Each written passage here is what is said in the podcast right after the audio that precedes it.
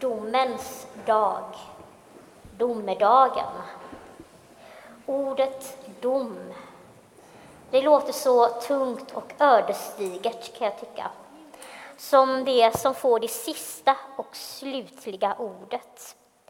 Då får jag stå till svars, ensam och rädd, en dom där sanningen om allt avslöjas och konsekvenserna måste utdelas.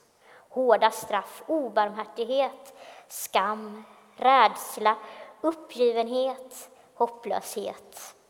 Känslor som förknippas med domen. Men tänk om jag istället skulle säga att domens dag är något positivt. Domedagen, en glädjens dag. Det är något att se fram emot. Kan det vara så? Eller är jag helt ute och cyklar då? Men när jag läser Bibelns texter om Guds dom och Jesus kärlek, då omvandlas domen från hopplöst till hoppfullt. Domen ger oss ett hopp. Att döma är något som vi människor är bra på.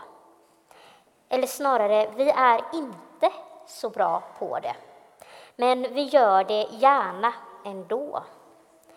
Vi gör både medvetna och omedvetna domar över dem vi möter i vardagen eller över dem vi ser på tv eller läser om i sociala medier och tidningar.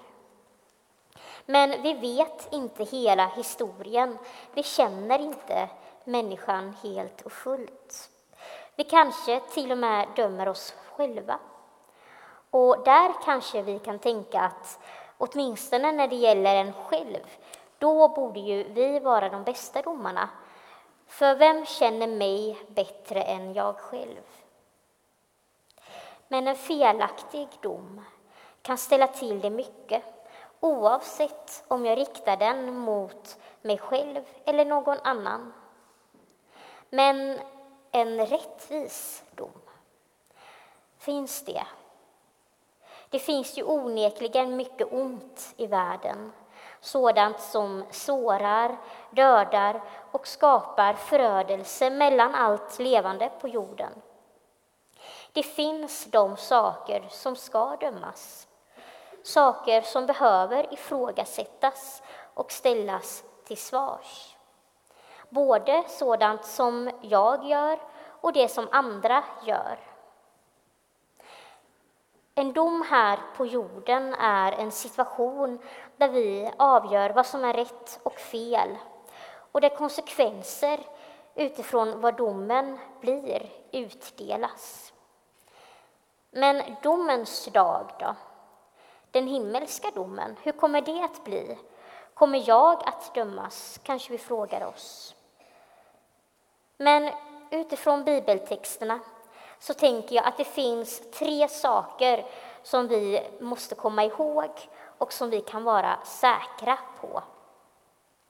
Den första är Guds dom kommer inte vara som vi tänker oss att Guds dom borde vara. För jag tror att Guds dom kommer gå bortom vad vi tänker är möjligt.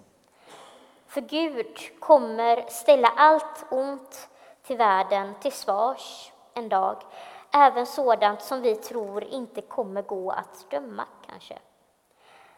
Ett exempel kan vi hitta i det gamla testamentet. För där står det ju att Guds tron hade hjul, en stol med hjul. Så Gud har alltså en rullstolstron. Det kanske är en märklig tanke, men varför inte egentligen? För alla ska veta att det är riktigt roligt att åka i rullstol. Och många barn som jag träffar säger att de också skulle vilja ha en rullstol. Och jag förstår vad de menar. För jag ville också ha en rullstol innan jag fick en. Men som vuxen nu tänker jag att barnen inte heller vet vad deras önskan innebär. För att behöva sitta i en rullstol på jorden, det innebär också många hinder. Men jag tror att Guds dom innebär att precis allt på jorden som orsakar smärta och död kommer att förvisas från livet. Det kommer upphöra att existera. Det kommer inte längre finnas någon som helst sjukdom, ingen smärta från naturkatastrofer eller smärta från saker som vi åsamkar varandra. I Guds himmel finns ingen plats för sådant. Gud kommer att ställa allt det till svars på domedagen. Så i Guds himmel kommer allt vara underbart. Guds dom behövs därför, för livet efter domen ska bli upprättat, för att vi ska bli upprättade. Så rullstol i himlen, det måste vara fantastiskt på alla sätt och vis. Så varför skulle inte Gud åka i en rullstolstron i himlen? Det andra som vi måste komma ihåg, det är att Gud har överlåtit domen till Jesus. Till Jesus som älskade var och en av oss så mycket att han gav sitt liv för att rädda oss från domen, för att rädda oss från döden. För även om vi tror att vi känner oss själva bäst så finns det en som känner oss bättre, och det är Jesus. Jesus känner dig och mig och älskar oss så mycket att han till och med valde att dö för vår skull, bara för att rädda oss, och där har vi hopp.